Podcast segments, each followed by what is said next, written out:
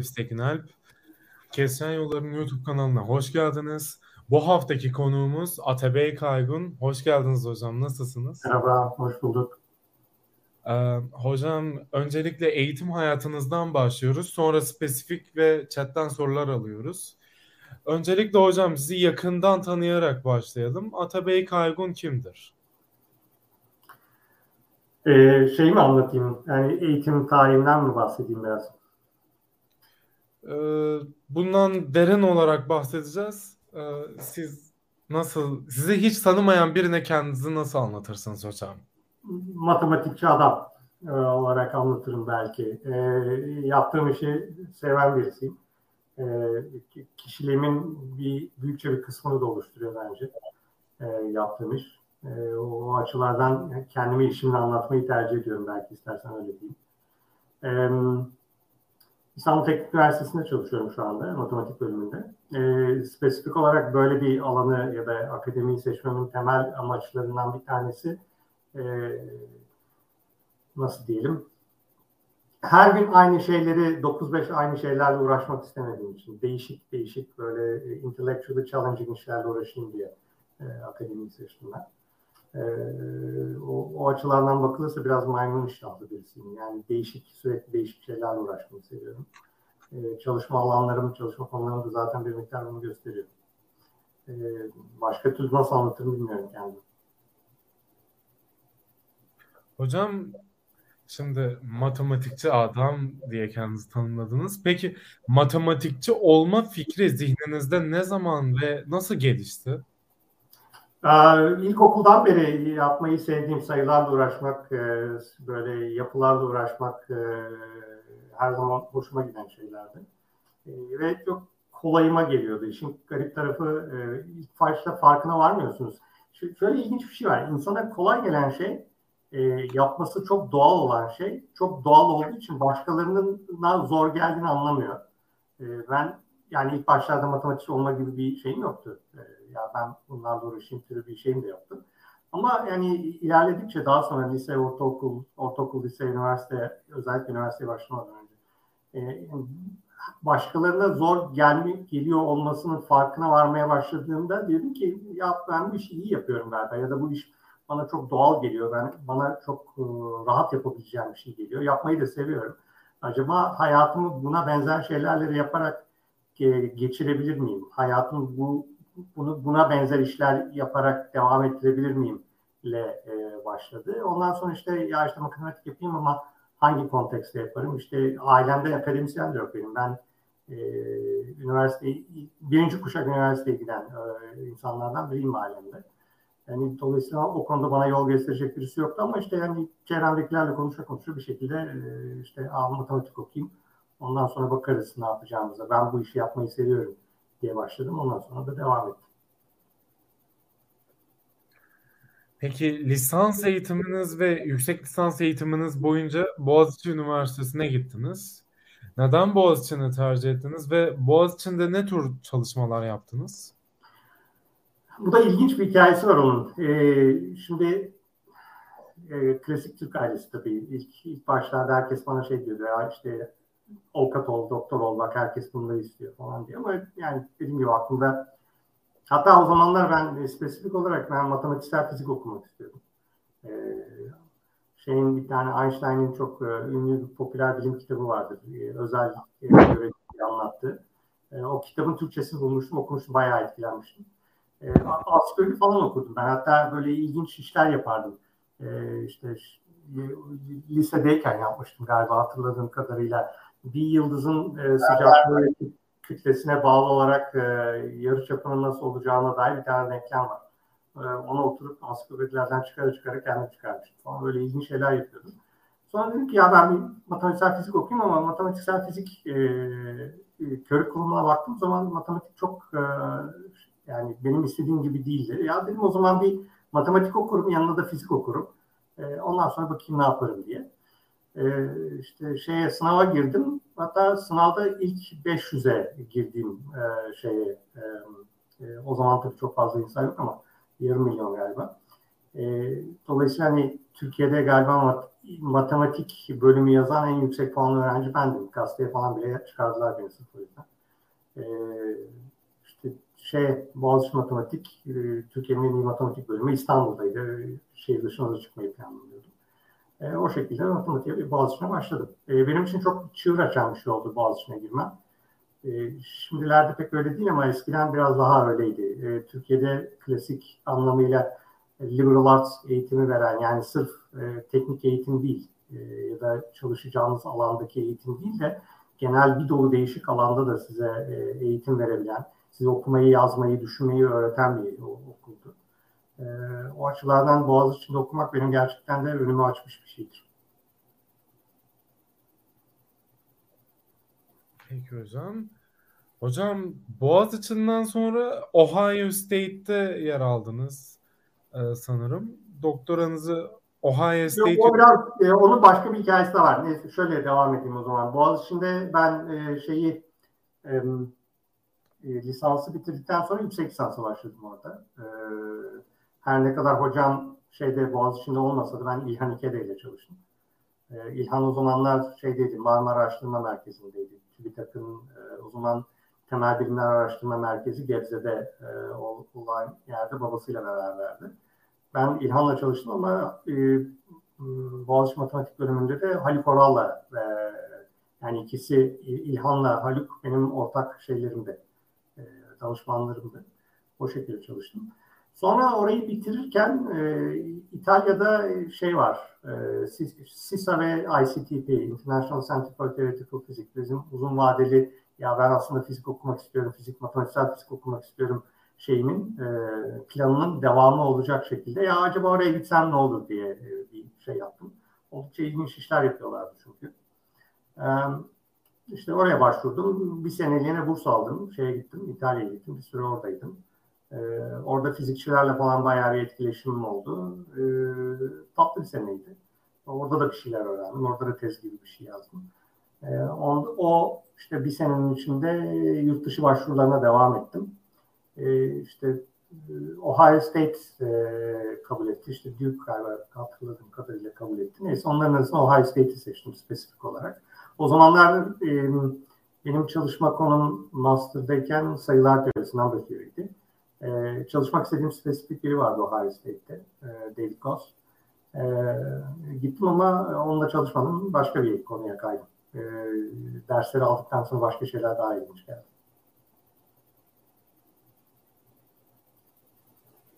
Teşekkür ederiz hocam. Ben bir şeyi merak ettim hocam. Ee, fiziği de sanırım çok seviyordunuz. Matematiği de çok seviyordunuz. Neden matematiği tercih ettiniz? Neden fizik değil? Daha doğrusu fizikten niye vazgeçtim? Ee, ikinci sınıftayken e, şeyde Boğaziçi'ndeyken e, istatistik fizik dersi aldım ama istatistik fizik yani e, şöyle anlatayım sana. E, fizik yapmak için fizik e, intuition'la ihtiyacınız var. Yani şeyi e, bilmeniz lazım. O çalıştığınız şeyin nasıl çalıştığını iyi bilmeniz lazım. Matematiğini ona göre uyduruyorsunuz. E, benim kafam biraz daha formal çalışıyor. Ben Benim kafam gerçekten matematikçi gibi çalışıyor. Fizik bana çok uygun gelmedi. Çünkü bu, bu iş bana uygun değil. Bunlar bu şekilde çalışıyorlar ama ben anlamıyorum bunu. Ya, gerçekten anlamıyordum o zamanlar. E, fizikten vazgeçmek zorunda kaldım. E, ama e, şu anda da yani yaptığım işlerin bir kısmı, teorik işlerin bir kısmının fiziksel bağlantıları var ama dediğim gibi yani çok uzak. E, yani spesifik olarak fizikle alakalı işler çok yapmıyorum şu anda. Teşekkür ederiz hocam. Ee, hocam bu süreçten sonra Max Planck Enstitüsü'ne girmişsiniz. Orada neler yaptınız? Oraya giriş Onu... hikayenizi bahseder misiniz? Tamam. Şeyi e, işte Ohio'da ben doktorayı e, başladıktan sonra e, bu, o süre biraz uzun sürdü. E, ilk başta bir e, bir hocayla çalışıp belli bir doktora problemi vardı. Yalnız daha sonra başka bir hocaya ve başka bir doktora problemine geçmek zorunda kaldım. E, neyse doktora süreci bittikten sonra e, iki sene Kanada'daydım. Postdoc yaptım. Şeyde University of Western Ontario'da. E, oradan çıktıktan sonra tekrar Ohio'ya geri döndüm. Bir sene tekrar Ohio'daydım. Ondan sonraki sene Almanya'ya Max Planck'a geçtim. E, Max Planck'ta da spesifik olarak Çin'le çalışmak istediğim birisi vardı. E, Matilde Marcoli. E, Matilde o zamanlar e, Max Planck'taydı. E, bayağı başka insanlar da vardı. E, şeydeki Bonn'daki Max Planck bu. E, Bonn matematiksel olarak çok hareketli bir yer. Hem University of Bonn hem Hausdorff Institute hem de Max Planck Bonn'un olduğu bir yer. Dolayısıyla hani teorik matematik açısından oldukça güzel ve e, insanın geliş, kendisini geliştirebileceği bir yer. Çok büyük bir şeydi benim için. E, fırsattı. E, bir sene işte şeydeydim, Max Planck Bonn'daydım. E, bayağı bir şey öğrendim orada da. Ondan sonra e, Max Planck'tan sonra bir sene şey, e, Arjantin'e gittim ben. O arada bir Polonya'ya gitmiş gelmişliğim var. 6 aylık kısa bir şeyde pozisyondu o Polonya'daki. Sonra işte bir, bir sonraki e, postak için Arjantin'de e, yine orada da çalışmak istediğim birisi vardı. E, Guillermo Cortinas. E, onun yanına şey gittim Buenos Aires'e. University of uh, Buenos Aires'teydim bir süre. E, ondan sonra da Türkiye'ye döndüm. Peki hocam. Yani tamam Türkiye'ye döndünüz. 2009'da Türkiye'ye döndünüz. Bahçeşehir Üniversitesi'nde ve İstanbul Teknik Üniversitesi'nde çalıştınız. Neler üzerine çalışıyorsunuz, çalıştınız hocam? 2009'da Türkiye'ye döndüğümde e, ben teorik matematikçiydim. Yani e, şeyin çalışma alanım e, başını söyleyeyim çok bir anlamı olmayacak belki dinleyenler için ama e, Hof çevirilerinin homoloji teorileri üzerine e, uzmanım E, specifically şey, e, cyclic homology theories of uh, Hopf-like structures. Öyle diyeyim. Türkçesinde şey, şey yapmak, çevirmek bayağı zor. E, 2009'da Türkiye'ye döndüğümde ama dediğim gibi hani e, 3 ya da 4 tane postak şeyinden geçmiştim. Bayağı yorulmuştum ve hani artık aynı şeylerle uğraşmak istemiyordum. E, Bahçeşehir Üniversitesi de biraz teaching ağırlıklı bir üniversite. E, işte şeylerle, öğrencilerle uğraşmaya başladım. Öğrencilerden yalnız ilginç bir şekilde değişik e, şeyler, istekler geliyor. Ya hocam biz işte şeyle uğraşmak istiyoruz.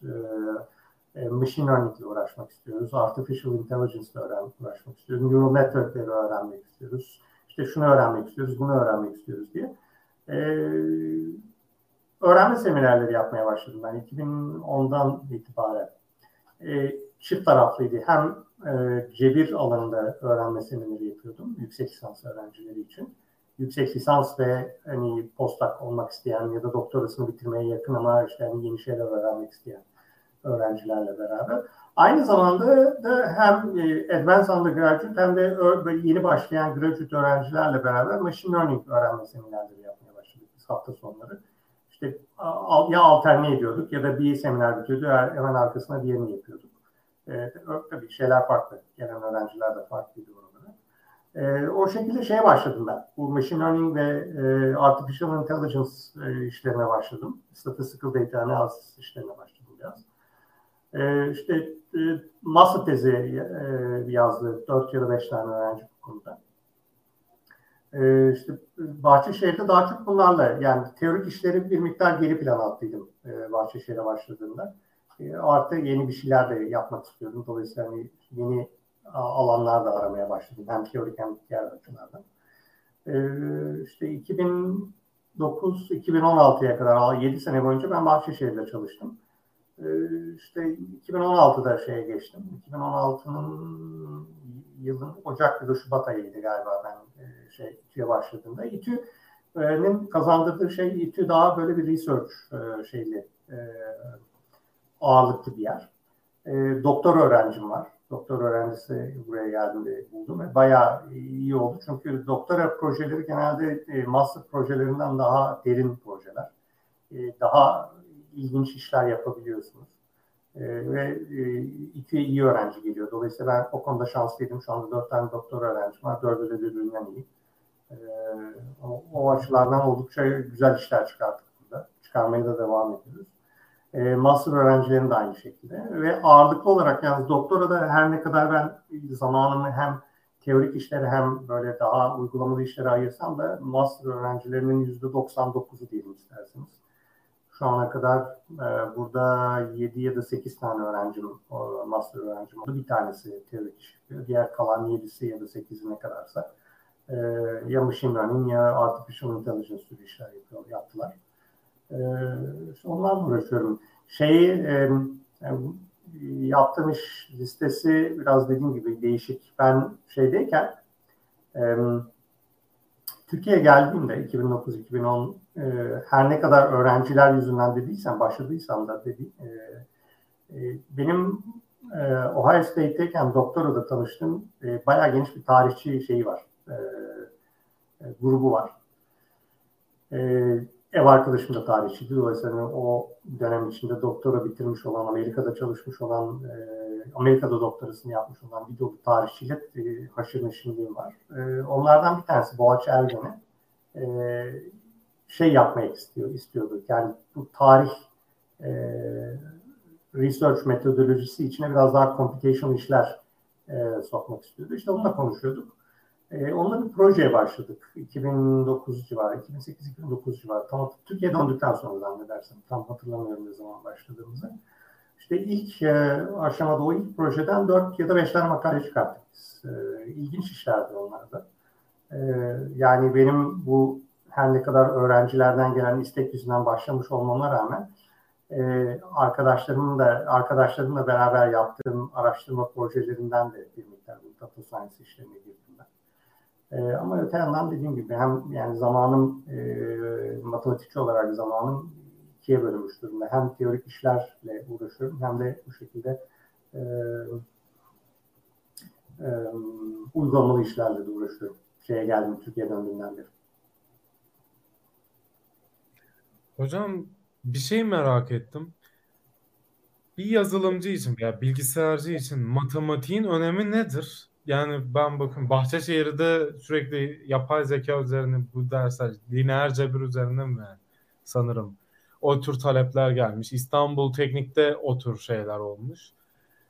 Ee, Şimdi biraz... şeyi ayırmak lazım. Seninle e, şeyden röportajdan önce de konuşuyorduk. Ee, bilgisayar mühendisliği ve bilgisayar bilimleri birbirlerinden farklı şeyler. Ee, bilgisayar mühendisliği şöyle bir tanım vereyim istersen. Mühendislik e, bir çeşit şey, compromise işi. Sana senin elinde bir problem var. Bu problemi çözmek için elinde kaynaklar var. Bu kaynaklarla bu işi mükemmel bir şekilde çözmene imkan yok. Dolayısıyla sen belli yerlerde şey yapmak zorunda, feragatlarda bulunmak zorunda kalırsın. Bu onun sanatıdır. Mühendislik onun sanatıdır. Yani elindeki problemleri elindeki araçlarla elindeki imkanlarla çözebileceğin en iyi şekilde nasıl çözersin problemi. E, matematik öyle değil. Matematik uncompromising. E, bir iş nasıl çözülür? İş nasıl ayarlanır? Bunu e, analizini yapmak üzerine kurulu bir alan bence. E, bunu yaparken de oldukça sembolik bir şekilde yapar bazen. E, bazen de oldukça hesaplamalı bir şekilde yapar. Ama mühendislik gibi compromising bir şey yok. Biraz daha katıdır. Belki de benim fizik okuyamama e, nedenlerinden bir tanesi benim kafamın bu şekilde kompromislara çok yatkın olmaması belki. E, matematikle bilgisi yani e, bilgisayar bilimlerinin aralarındaki ilişkiyi soracak olursan bana sorarsan bilgisayar bilimleri matematiğin bir alt dalıdır. E, bilgisayar bilimleri spesifik olarak e, algoritmaların analizini yapar. Yani e, en büyük yaptığı şeylerden bir tanesi budur. Sizin bir problemi çözmek için elinizde bir tane algoritma vardır. Bu algoritmanın analizini yaparsınız. Zaman kompleksite analizini yaparsınız. Space e, analizini yaparsınız. Bu problemi çözmek için ne kadar zamana ve ne kadar şeye ihtiyacınız var. Bu e, şey problem büyüdükçe bu zaman nasıl artıyor ya da kullanacağınız yer ne kadar artıyor. Bunu analiz etmek için kullanılır. Ve kullanılan araçların tamamı da formal araçlar, matematiksel araçlardır. Öte yandan bilgisayar bilimleri ya da en azından hani yazılım için bahsediyorsanız e, yani doğrudan bir bağlantısı yok gibi gözüküyor. Ancak dediğim gibi hani oturup bir şey implement edecekseniz mesela bir tane machine learning algoritmasını implement etmeniz gerekiyor. Matematik bilmeniz lazım ki algoritmayı iyi anlamanız lazım ki yazacağınız şeyin e, yapmak istediğiniz şeyle aynı olup olmadığını test edebilin. E, o açılardan bence yakın ilişkileri var. Ama tabii yani bilmiyorum herkes aynı şekilde mi düş, e, e, aynı şekilde belki cevap vermeyebilir ama bence matematiğin tanımı e, düşünmenin bilimi e, ya da nasıl diyelim düşünmenin dili bence o. Yani ne kadar felsefeciler o konularda e, şey yapsalar da e, tekel kurduklarını düşünseler de bence e, matematik e, e, semboller arasındaki ilişkileri anlamak yerine bu semboller arasındaki ilişkilerin formalize edildiği, insanın ya da insanlar grubunun e, işte belli konularda nasıl düşünmeleri gerektiğini öğreten ya da bu konuda egzersizler veren bir alan bence. Yazılım da aynı şekilde. Belli problemleri çözmeye çalışıyorsunuz. Tabii mühendislik açısından bakacak olursanız hani kompromisler nasıl olur, ben bunu elimdeki imkanlarla nasıl çözerim diye bakabilirsiniz. Ya da daha böyle şey bakacaksınız, teorik olarak bakacaksınız. İşte yani biraz daha matematiksel bir bakış açısıyla e, işte bu algoritma nedir, nasıl çalışıyor, niye çalışıyor, sınırları nedir, ee, şeyi nedir, kompleksitesi nedir, işte şeyi nedir falan gibi sorularla uğraşacaksanız kafanız daha böyle fundamental şeylere e, doğru kayıyorsa matematik yapıyorsunuz aslında. Peki hocam teşekkür ederiz. Matematikte hocam sizi en çok cezbeden, heyecanlandıran alan hangisidir? Neden hocam?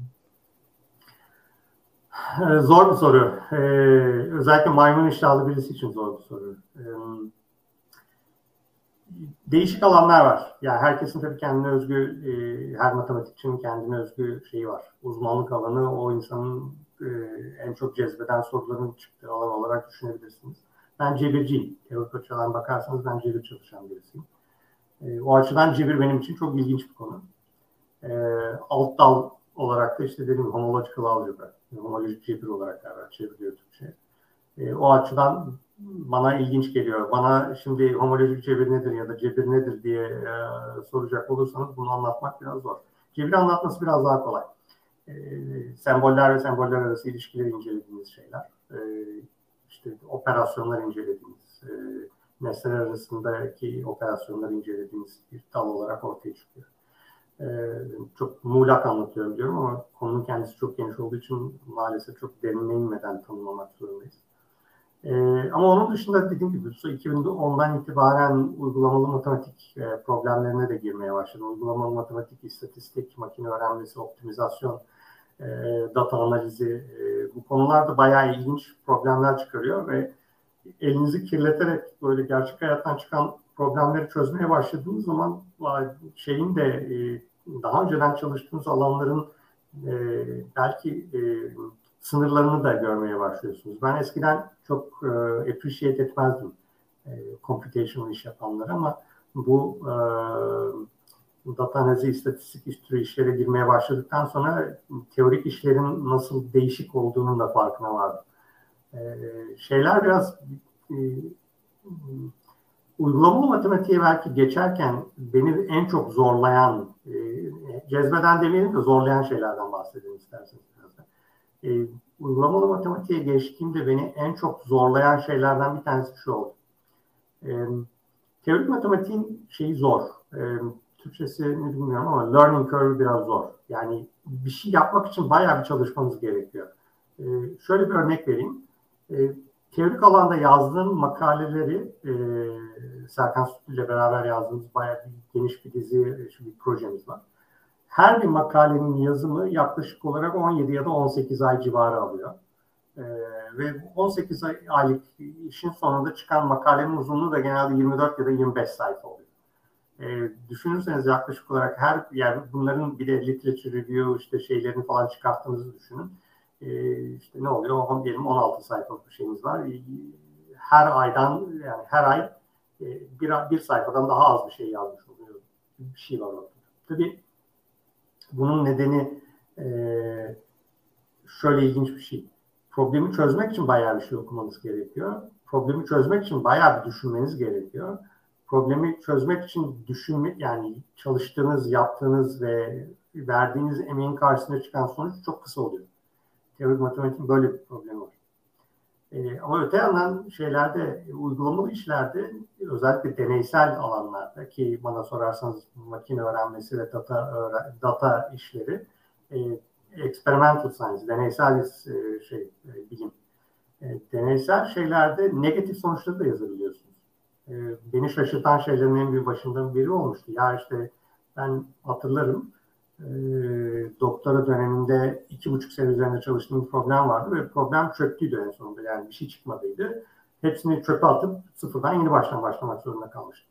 Yani e, deneysel bilimlerde öyle bir şey yok. Negatif sonuçları da kullanabiliyorsunuz. Hatta yani ben benim e, buradaki öğrencilerime ilk öğrettiğim şeylerden bir tanesidir o. E, negatif sonuçları da bu kenarda tut. Çünkü tezi yazarken yazacaksın, anlatacaksın ki senin yolunu takip eden öğrenci diyecek ki ya bak bu adam bunu denedi çıkmadı ben de deneyeyim başka bir şey deneyeyim diyebilsin. Yoksa e, yani bayağı bir şey e, emek kaybı oluyor. E, başka bir şey de beni e, zorlayan ya da şaşırtan şeylerden bir tanesi de e, deneysel bilimlerin learning curve'ünün çok e, az olması. Çok yani e, 6 ay ya da 4-5 aylık bir hazırlık yetiyor genelde şey için, e, işe başlamanız için teorik alanlarda eğer özellikle yeni bir şeye başlayacaksanız minimum iki sene, iki buçuk seneden aşağı değil bu hazırlık şeyi. Ki uzman olduğunuz konuda bile eğer hani e, çözümeyi bekleyen problem var diyelim, bunun üzerine uğraşacaksınız. Bayağı bir zaman oluyor. O problemi hazırlamanız, bu problemin geri planını hazırlamanız, gerekli araçları hazırlamanız. E, mesela doktor öğrencisi yetiştireceksen, e, teorik alanlarda doktor öğrencisi yetiştireceksen benim bu öğrenciye e, çalışacağı konu ya da çalışacağı problemi en azından anlayabilmesi için minimum 3-3,5 sene ders anlatmam lazım. Öte yandan experimental science e, yani bu mesela işte dediğim gibi machine learning optimizasyon işlerinde bir, bir buçuk senelik bir hazırlık yeterli oluyor genelde. Yani hangisi beni en çok cezbediyor diye soracak olursan teorik işlerin cezbi daha fazla ama pratik işlerinin şöyle bir ilginç bir çekiciliği var çok e, şey bir şey. E, tangible. Gözün, gözünün önünde elinle oynayabiliyorsun, dokunabiliyorsun, hareket ettirebiliyorsun. Teorik işler öyle değil. Biraz orada bu şey e, parable vardır ya e, altı tane kör adamı koymuşlar bir filmi nasıl anlatırsın diye. Herkes değişik şekillerde anlatmış. Biz matematikçiler de öyleyiz. Teorik işlerle uğraşan matematikçiler öyleyiz.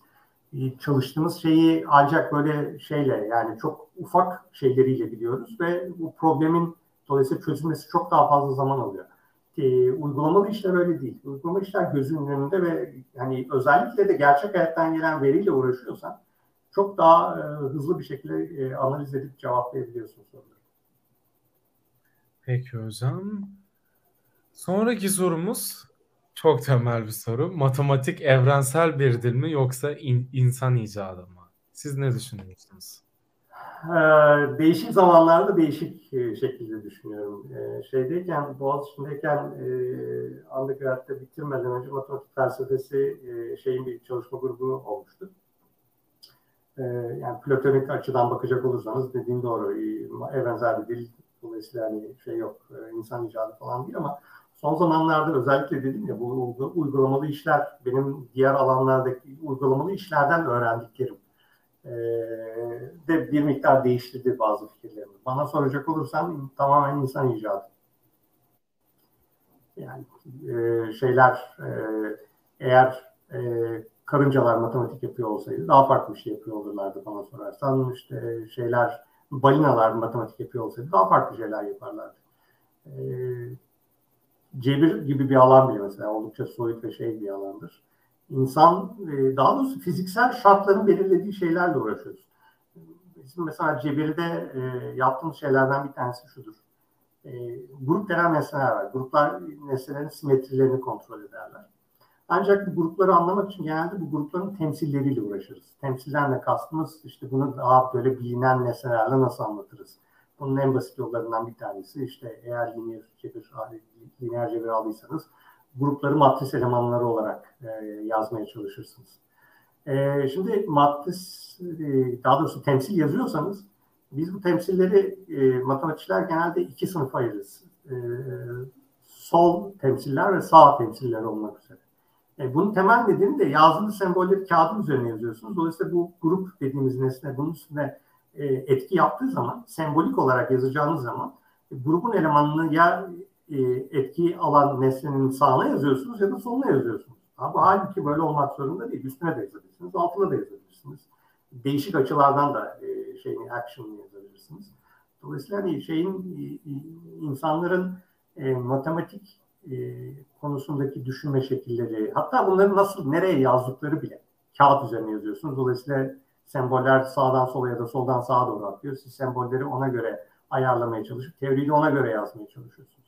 Yani büyükçe bir kısmı insan icadı ama belki arka planda başka bir yani aynı fizikte olduğu gibi e, governing onları kontrol eden kanunlar var ama yani dediğim gibi e, şu anda e, geçmişte soruyor, sormuş olsaydın bana yaklaşık 20 sene 25 sene önce sormuş olsaydın evrensel bir olduğunu söylerdim.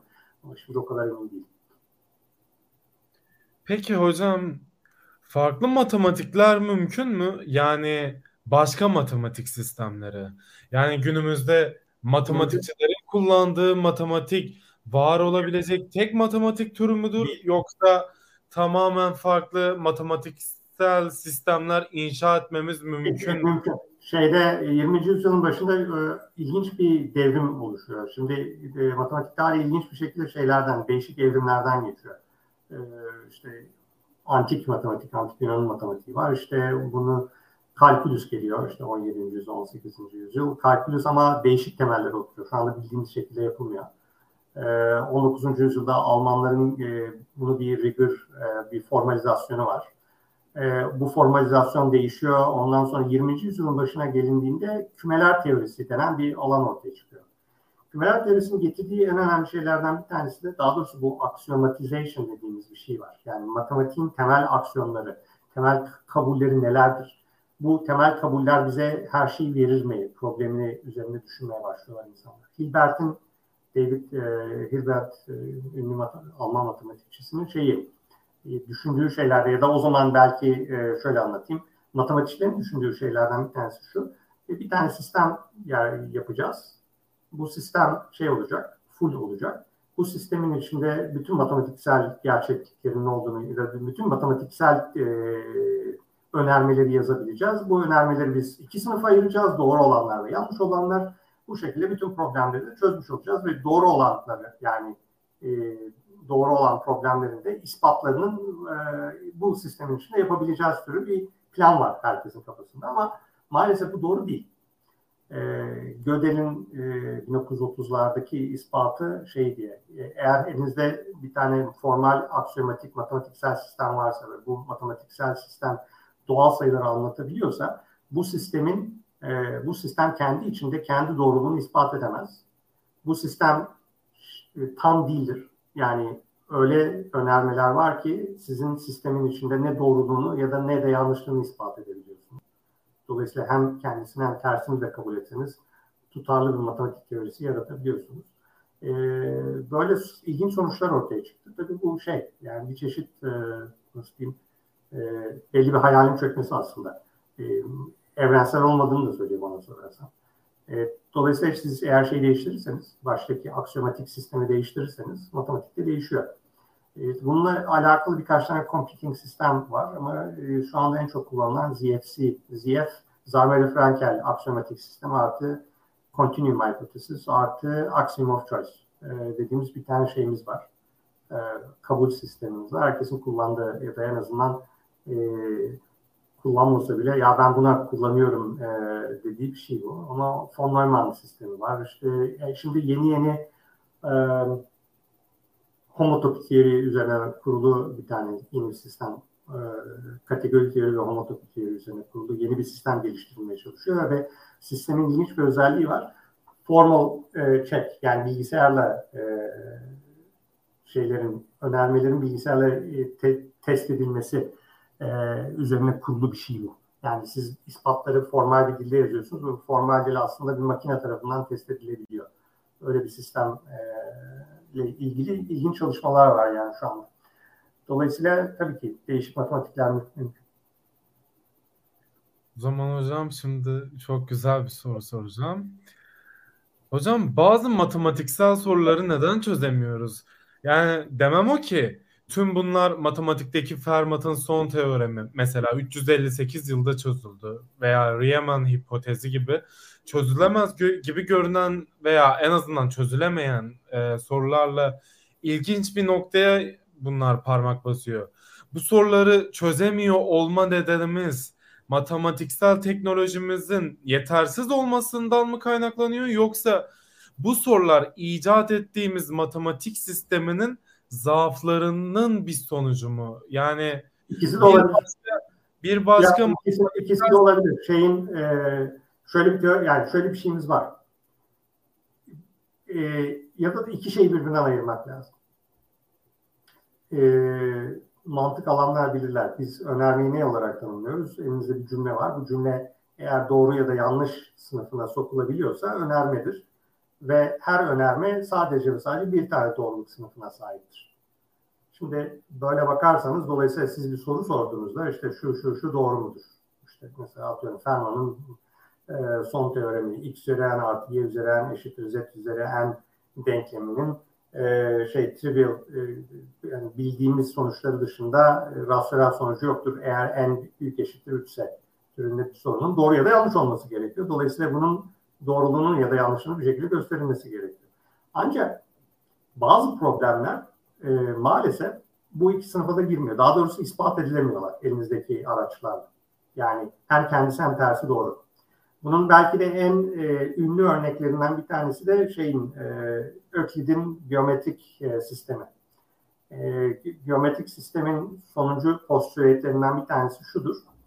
Size ben bir doğru versem, bir de doğru dışına bir tane de nokta versem, bu doğruya, bu noktadan sadece ve sadece bir tane paralel çizilebilir aksiyonudur. Şimdi e, bunun e, bu postülatin diğer Öklid'in diğer postülatleri ya da aksiyonları cinsinden ispatı konusunda bayağı bir uğraşıldı ama gösterilemedi. Sonra da şunun farkına varıldı ki bu bağımsız. Yani kendisini de kabul etseniz, tersini de kabul etseniz ikisi de doğru oluyor. E, bu mesela şey non-Euclidean, Euclidean olmayan geometrilerin ortaya çıkmasında çok önemli bir şeye yol açtı. Şimdi şunu söylemeye çalışıyorum. E, her sorunun cevabının olması gerektiği e, yanlış bir beklenti. Bazı soruların cevapları yok. Bazı soruların da hem yani daha doğrusu cevabı şöyle yok. E, kend, doğru olarak da kabul etseniz, yanlış olarak da kabul etseniz çalışıyor. Bu biraz kabul etmesi zor bir şey. E, ikisi birden doğrudur demiyor. Doğru olduğunu kabul etseniz de matematik yapabiliyorsunuz. Yanlış olduğunu kabul etseniz de matematik yapabiliyorsunuz. E, bunu, buna benzer birkaç tane problem var.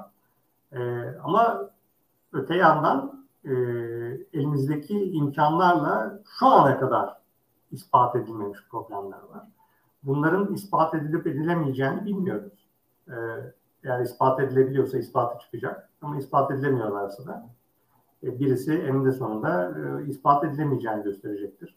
Bu durumda hem kendisi hem tersi de doğru olarak kabul edilebilir. Mesela bilgisayar bilimlerinde çok ünlü problemlerden bir tanesidir. P equals NP problemi. E, doğru olup olmadığını bilmiyoruz. İspatı var mı yok mu onu da bilmiyoruz.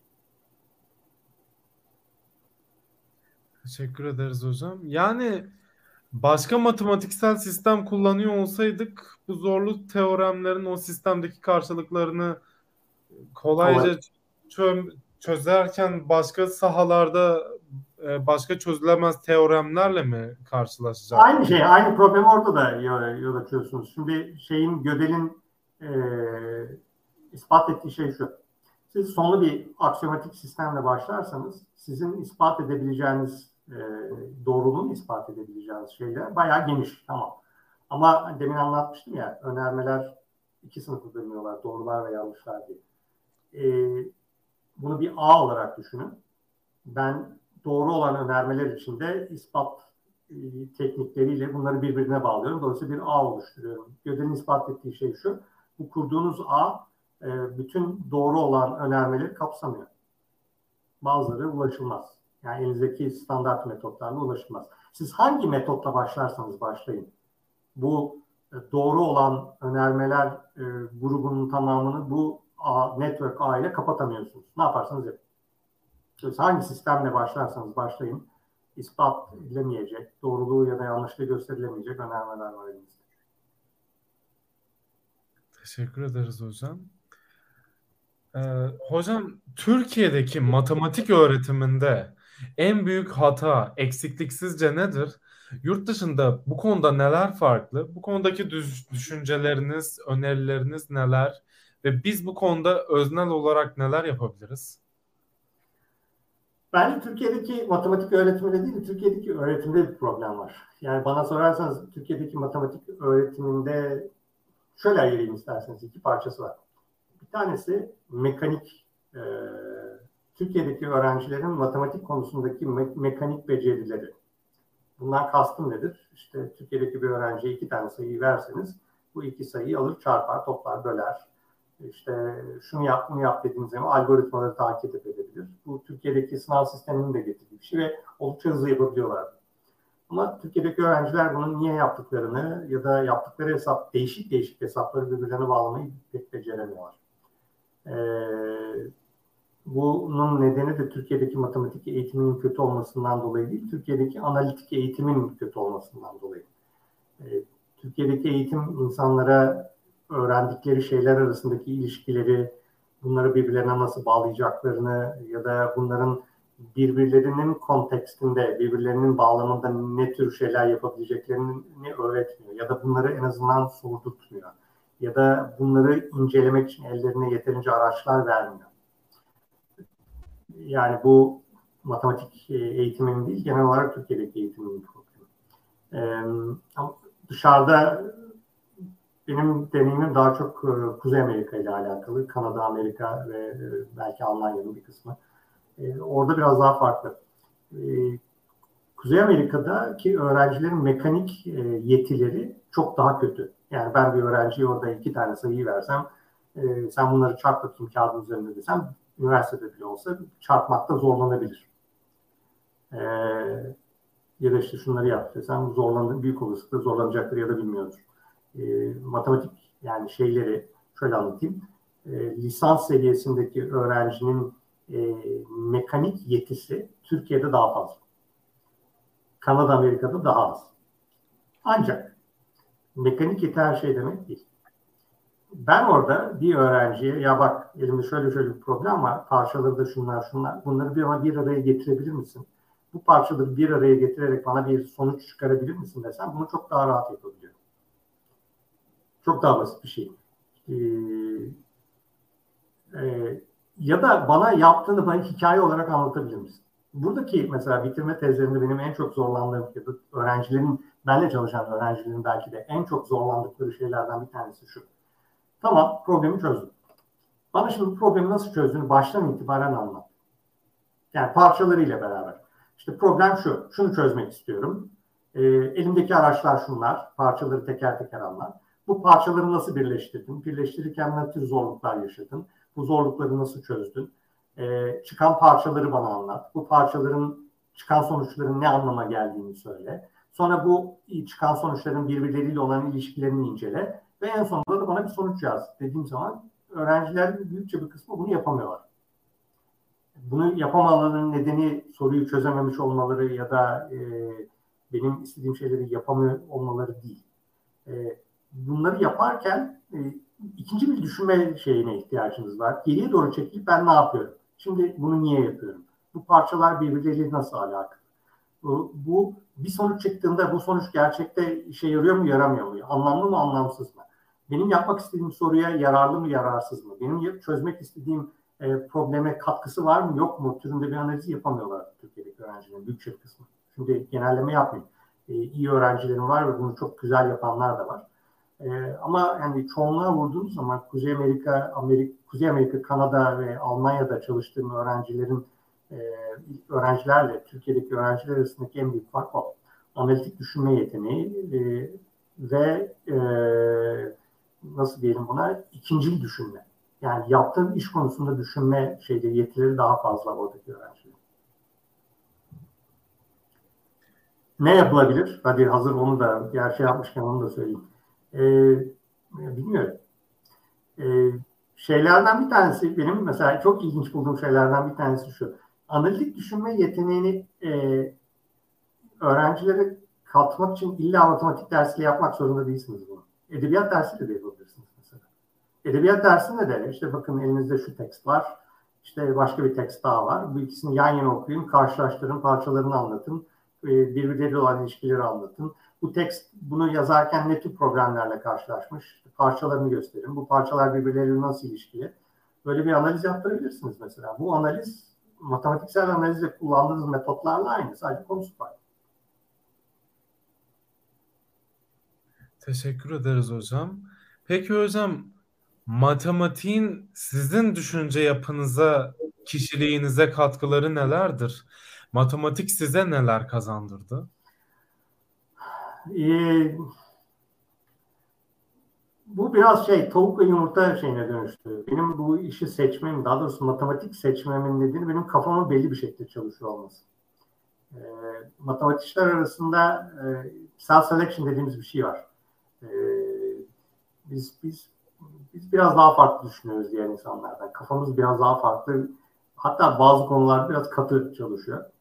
E, demin anlattığım hikayede olduğu gibi yani fizik okumak istiyordum ben ancak işte istatistik mekanik aldım ve dedim ki yok benim kafam buna basmıyor. Basmıyor değil de daha doğrusu e, işin mekanik kısmını anlıyorum ama niye yaptıklarını anlamıyorum. Yani demin anlattığım analitik şey vardı ya hani analitik düşünme biçimi. Benim düşünme şeyim hani kafamın içindeki çarklara uygun değildi fizik. E, matematik bana çok daha doğal e, geliyordu. Her zaman için öyle ve bundan sonra da böyle olacak herhalde.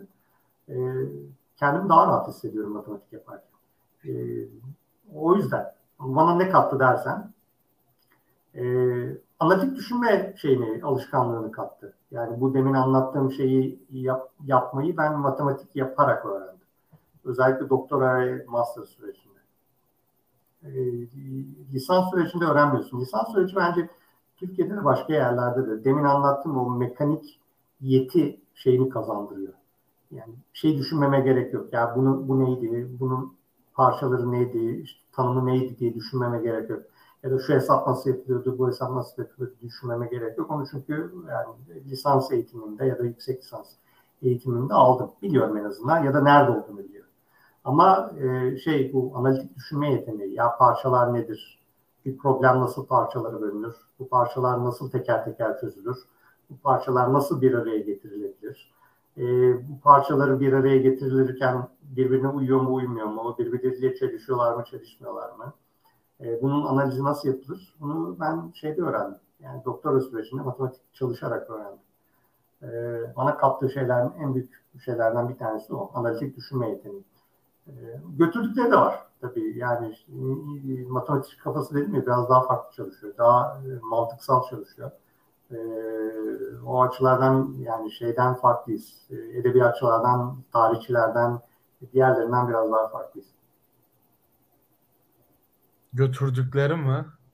Götürdükleri. E, matematikçiler arasında şey problemi biraz fazladır. E, kendim için de aynı şeyi söyleyeyim. E, social skills, senin soft skill dediğin şeyler biraz zayıftır. Yani burada Hep herkes için değil. Sadece belli bir grup için. Kendim de dahil, kendimin de dahil olduğu bir grup için söyleyeyim ben. E, social skills ve soft skill'lerimiz biraz zayıf. İlginç. Hocam uzun yıllar matematiğe emek verdiniz. İlk zamanlarınızla şimdiki konumunuz arasında neleri aştınız? Neler değişti? e, genç değilim artık. Şimdi eskiden şey diye düşünüyorsun. Ya ben ne yapacağım, ne edeceğim, e, hayattaki yerim nedir, e, işte be, becerebilecek miyim, şunu yapmak istiyorum, o olacak mı, bunu yapmak istiyorum. Bunları düşünmek zorunda değilim. E, yapmak istediğim bir dolu şeyi yaptım. E, şimdi ilginç bir yerdeyim. Yani şey olarak e, e, geçen iki sene önce profesörlük aldım. Dolayısıyla hani artık promote edebileceğim bir yerde kalmadı. E, dolayısıyla artık biraz daha şey böyle şu dakikadan sonra işte hani uzun vadede ne tür bir şey yapabilirim, e, ne tür bir iz bırakabilirim şeyleri üzerinde düşünüyorum. E, bunun en e, yararlı ve en etkili olan biçimi de öğrenci yetiştirmek. Yani öğrenci yetiştirirken de kastım undergraduate lisans öğrencisi değil, yüksek lisans öğrencisi yetiştirmek. E, herkesin kendi özgür bir bakış açısı var, benim de öyle. E, bu bakış açısı ve bu problemlerle, benim ilgilendiğim problemlerle, benim ilgilendiğim şekilde e, çalışan öğrenci yetiştirmek istiyorum. Ve bunun için işte yani yüksek lisans öğrencilerim var, doktor öğrencilerim var.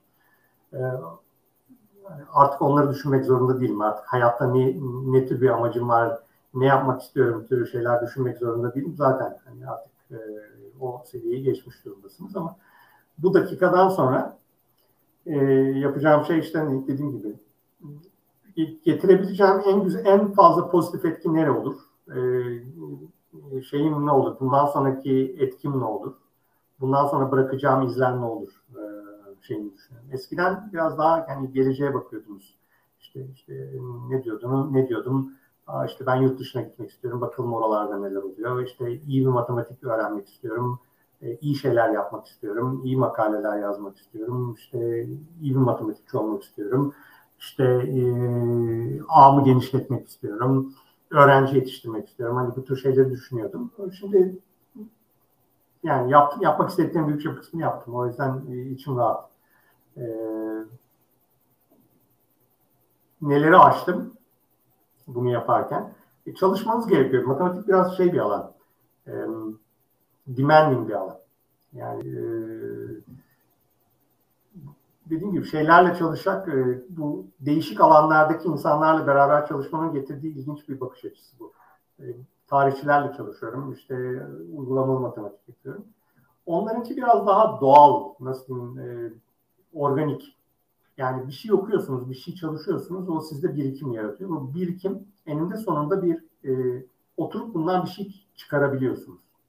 Yani oturup belli bir konu hakkında bir şey yazdığınız zaman genelde bu yani yeni bir şey oluyor düzgün bir şey oluyor ve anlatabiliyorsunuz. Matematik biraz daha e, inorganik. Ben bir şeyi 20 sene, 25 sene boyunca da çalışmış olabilirim. Ama e, oradan bir problem çözmediğiniz sürece yazdığınız şeyin çok bir anlamı yok. Yani survey yazabilirsiniz. Survey kitabı yazabilirsiniz. Bu da önemli bir şey ama hani eğer matematik olarak hani ben buna ne katkıda bulundum türü ya ben bunu yaptım ben bunu e, bu, bu benim anlattığım şey işte şu şekilde önemlidir diye bir şey söylemek istiyorsanız bir şey çözmeniz lazım. Dolayısıyla hani 20-25 sene 30 sene oturup çalışmışsınızdır. Bir şey çözeme yani çalıştığınız alanla ilgili çalış, alandaki bir soruyu çözemediyseniz kalıyor elinizde o. Ee, yani öğrenci yetiştirebilirsiniz ama öğrencinin de bir şey çözmesi gerekiyor. Ee, dolayısıyla hani şeylerden biraz daha farklı. Humanities, e, bu e, tarih, edebiyat gibi alanlardan biraz daha farklı. Diğer e, deneysel alanlardan da farklı. E, şimdi şey düşünüyorum, yani fizik, kimya, biyoloji gibi böyle laboratuvara girip iş yapmanız gereken alanlardan da farklı. Orada bir şey deniyorsunuz. İşte negatif sonuç çıksa da bunu yazma şansınız var. E, her zaman değil tabii de e, bunu yazıp e, literatüre katkıda bulunma şansınız var. E, matematikte öyle şeyler de yok. Demin anlattığım şeylerden bir tanesi. Ben doktora başladım. iki buçuk sene aynı problemle uğraştım. Problemden bir şey çıkmadı. Hepsini kenara çöpe atıp yeniden sıfırdan başlamak zorunda kaldım. E, dolayısıyla şey önemli. E, çok özellikle teorik matematikte bu. E, çok çalışmak gerekiyor. Bu yani kazandığım alışkanlıklardan bir tanesi ve gocuma gitmeyen bir şeydi. Ben çalışırım. E, hatta yani gece saat geç saatlere kadar çalışırım. Hatta gece geç saatlerde çalışmak daha çok hoşuma gidiyor çünkü sessizlik vesaire olduğu için. E, o açılardan hani çok emek gerektiren bir şey ve bu e, insanları etkiliyor. E, yani şeyinizi etkiliyor. Kafa yapınızı etkiliyor. insanlarla olan ilişkinizi etkiliyor. Böyle e, yani verdiğiniz emek ile bu emeğin e, toplumdan aldığınız karşılığı birbirleriyle orantılı değiller. Özellikle teorik matematikte. Bu zor bir şey. E, mental olarak da zorlayan bir şey. Oldukça, oldukça zor ve alışılması zor bir şey. E, bunu aşmam bayağı bir zaman aldı benim. Özellikle doktora döneminde. Ama hani öğrendikten sonra ya bak bu işin zorluğu bu. Yani o yüzden de alışman gerekiyor ya da bu işin doğası bu. E, dediğiniz şeyde ona alıştıktan sonra biraz daha kolay oluyor ama tabii bayağı bir şey götürüyor. E, şeylerde yani bu, e, teorik matematik çalışan insanlar arasında doktora özellikle attrition dediğimiz e, bitirememe oranı yüksektir. Depression oranı yüksektir. E, diğer alanlarda nedir bilmiyorum. Onlarda da büyük olasılık e, doktora gibi alanlarda yüksektir ama matematikçiler kadar yüksek olduğunu zannetmiyorum. Bir arkadaşımız soru sormuş. Hı hı. Enes diye bir arkadaşımız. Ben bir mühendislik öğrencisine ileri seviye matematik bilgisinin çok şey katacağını düşünüyordum. Siz bir mühendislik öğrencisine matematikle çap yapmayı önerir misiniz? Bence amaca göre değişir. Yani e, yapmak istediği şeye göre değişir. E, herkese matematik önermiyorum. Bunun nedeni var. E, yaptığınız işte doğrudan alakalı olmayabilir. Yani siz computer engineering çalışıyorsunuzdur. Ama ben database'lerle ilgileniyorum diyorsunuzdur. Öyle çok derin matematik bilmenize gerek yok. Yani en azından benim bildiğim kadarıyla.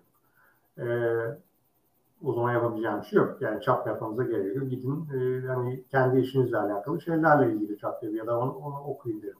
Ama öte yandan ben bilgisayar bilimleriyle uğraşıyorum ama e, şey e, algoritmik analiz, kompleksite analizle çok alakalıyım. Ben bunları yapmak istiyorum diyorsanız tabii ki o zaman kesinlikle sizden e, sizin gidip e, e, iyi matematik dersleri işte ayık matematik, graf teori falan gibi dersleri almanızı öneririm.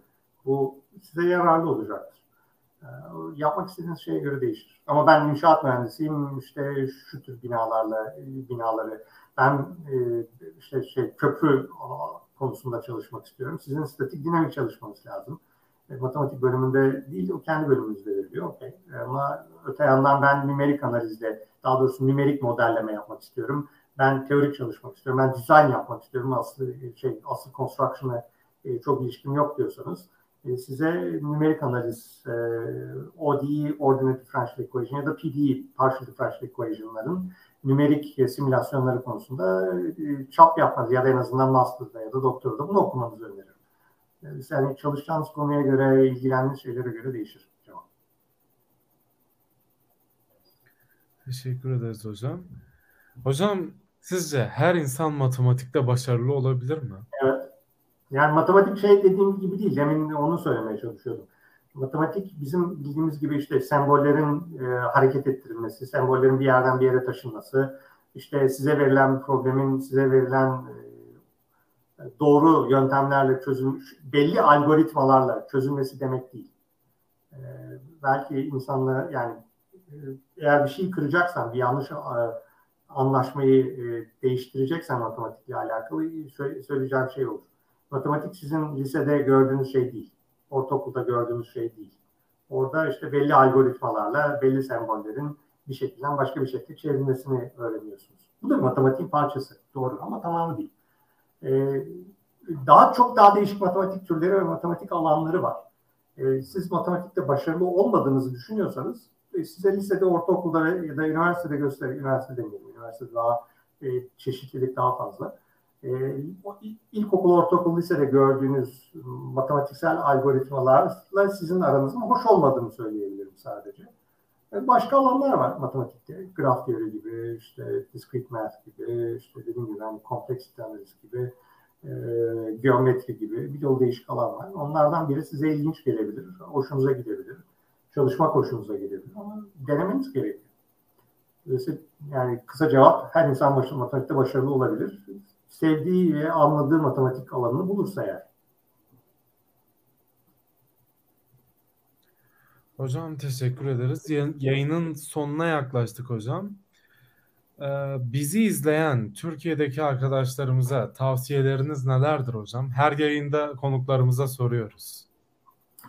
Ee, non-standard bir advice vereyim. Non-standard bir e, şey vereyim. Ee, değişik şeyler öğrenin. Yani bu e, matematik çalışmak isteyenler için de aynı şeyi söyleyeceğim. Diğer alanlarda çalışan insanlar için de. Sadece bir şey öğrenmeyin. Başka şeyler de öğrenin. Yani bu bir yabancı dil olabilir. Birden fazla yabancı dil olabilir. Ee, birden fazla bilgisayar dili olabilir. Ee, edebiyat olabilir, müzik olabilir, resim olabilir, sanat olabilir, tarih olabilir, başka alanlar. Öğrenin. Yani öğrenebileceğiniz her şeyi öğrenin. Ufkunuzu geniş tutun. Ee, demin ilk başta anlattığım şey belki de benim için hani e, Boğaziçi'ni konuşuyorduk ya. E, Boğaziçi'nin bana getirdiği en önemli şey bence oydu. Yani şeyin e, ufkumu genişlettiğinden kastım oydu zaten. Başka şeylerle ilgilenebileceğimi, bu başka şeylerin bana bir şeyler katabileceğini. Ben çünkü o tarihte sadece ben matematik okumak istiyorum e, diyordum. Ama hani başka şeyler de ilginç gel, gel başka şeyleri de ilginç bulabileceğimi öğrendim. Ve bunun bana çok büyük katkısı oldu. Yani demin anlattığım şey vardı ya işte ben işte Ohio State'te e, beraber çalıştığım, beraber yan yana e, yemek yediğim tarihçilerle beraber matematik işi yapmaya başladım. E, bunun nedeni onların dilini de konuşuyor olabilmem. Kendi e, alanımın dilini de konuşuyor olabilmem. Tek alanlı olmayın. Yani bu verebileceğim en büyük şey olur. E, tavsiye olur. Yani ben şunu çalışmak istiyorum, ben bunu yapmak istiyorum. Sadece onu yapmayın. Bu e, uzun vadede sizin akıl ve kendi sağlığınız için iyi bir şey değil. E, değişik şeyler yapın, değişik şeyler öğrenin, e, değişik deneyimler edinin. E, mümkünse şeyin dışına çıkın. Türkçesi nedir bilmiyorum. Comfort zone'unuzun dışına çıkın. Yani rahatsız, e, hep rahat ettiğiniz şeyleri yapmayın. Çünkü hep rahat ediyorsanız bir şey öğrenmiyorsunuz. Size bir şey katılmıyor demektir.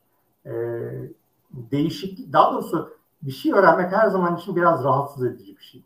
E, ve ama bunu yapmadan da değişemiyorsunuz, gelişemiyorsunuz, büyüyemiyorsunuz. E, bu bence önemli bir şey. Ben e, senle e, şeyde e, röportajdan önce de konuşuyorduk ya yani 45 elimden sonra oturdum yeni bir yabancı dil öğrenmeye başladım. E, zor geliyor doğru ama ilginç yani bana sorarsan. Bana ilginç bir katkısı var. E, işte e, sıkıldıkça mesela ben bilgisayar dili öğrenirim. E, şey repertuarım biraz geniş mesela o konuda. E, niye yapıyorum bunu? İlginç geliyor çünkü bana ve hani her yeni öğrendiğim şey e, karşılaştırma yaparak benim daha önce öğrendiklerimle olan ilişkimi de değiştiriyor. E, işte demin anlattığım şey işte e, uygulamalı matematik yapmaya başladım ki hiç bilmediğim bir alandı. E, ama bunu yaparak teorik matematikte yaptığım işlerin nasıl değişik olduğunun da farkına varmaya başladım. Bu açıdan önemli. O yüzden comfort zonunuzun dışına çıkın, yeni şeyler öğrenin, yeni şeyler yapın. Hatta şimdiye kadar hiç yapmadığınız şeyler, sizinle hiç alakalı olmayan şeyleri öğrenin ve yapın ki e, e, şey e, kazandıracağı şeyler de büyük olsun. E, bana dediğim gibi Boğaziçi'nin getirdiği, öğrettiği en büyük şeylerden bir tanesi oldu.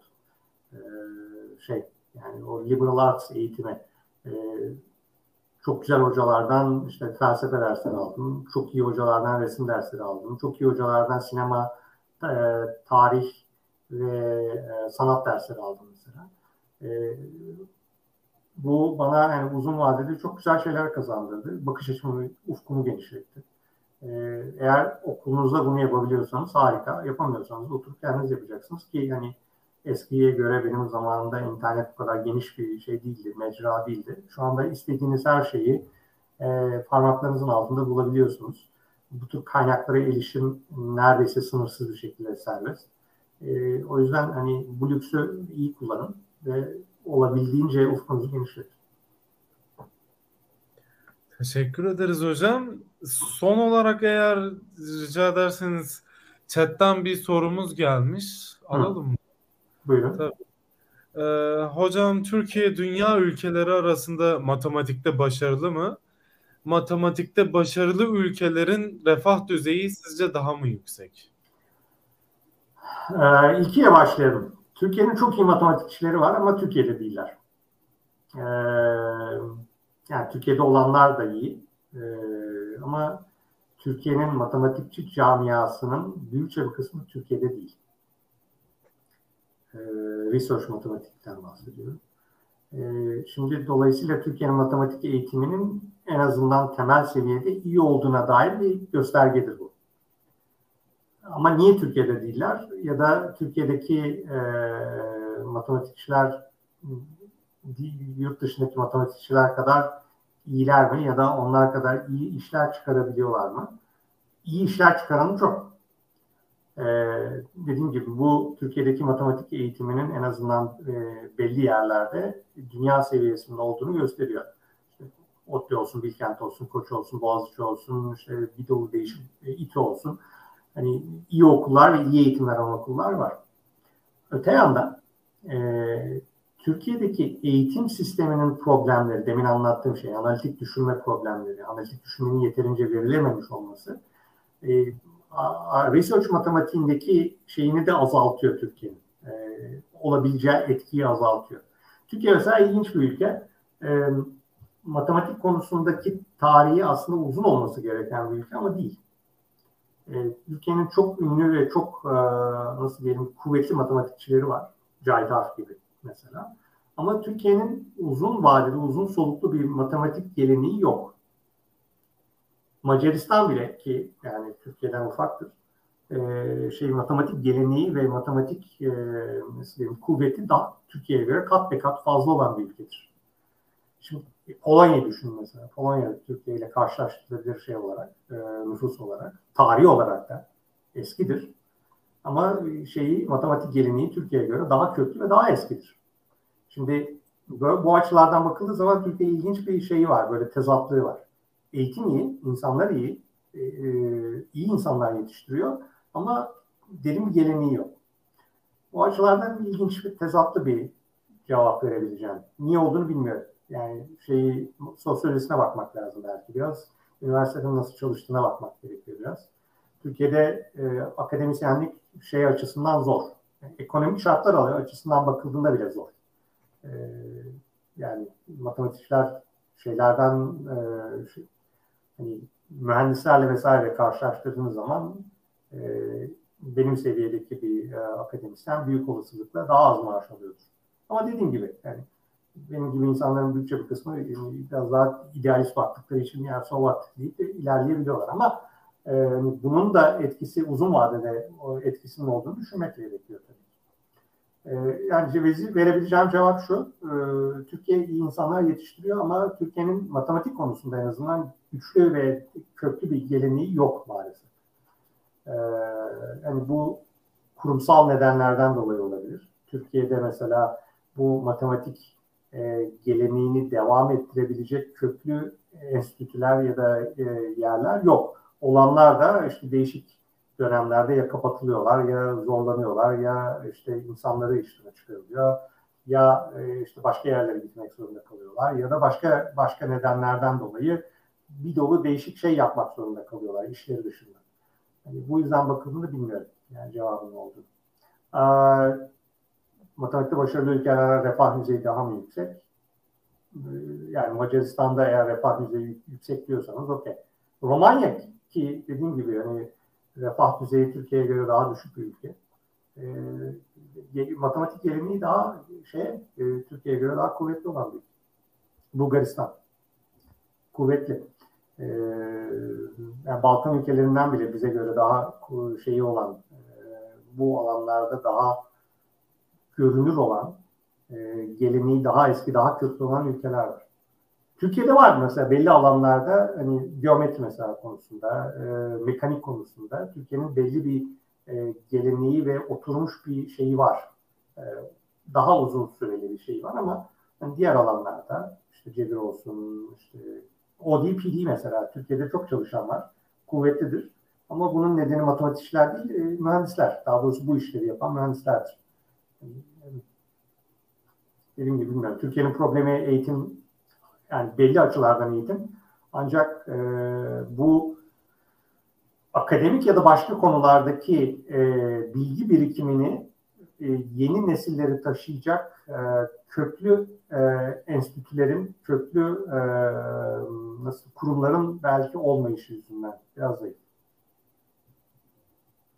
Teşekkür ederiz hocam. Ee, bize bir saniye. Kanalımıza konuk olduğunuz için teşekkür ederiz hocam. Ee, yayını ben... burada e, yayını burada sonlandıralım hocam. Ben çok memnun oldum. Benim için çok güzel bir sohbetti. Teşekkür, teşekkür ederim. Yani en azından e, görüşlerimi açıklama şeyi oldu. Bunları genel bana gerek teker teker e, soran öğrencilere teker teker anlatmaktansa hani daha geniş bir şeye gruba seslenmek her zaman için daha iyi. Yani ben teşekkür ederim fırsatı verdiğiniz için. Bizi izleyen arkadaşlar, bu videoyu izleyen arkadaşlar da e, abone olmayı unutmazsa teşekkür ederiz. İyi günler hocam. Ben yayını kapatıyorum.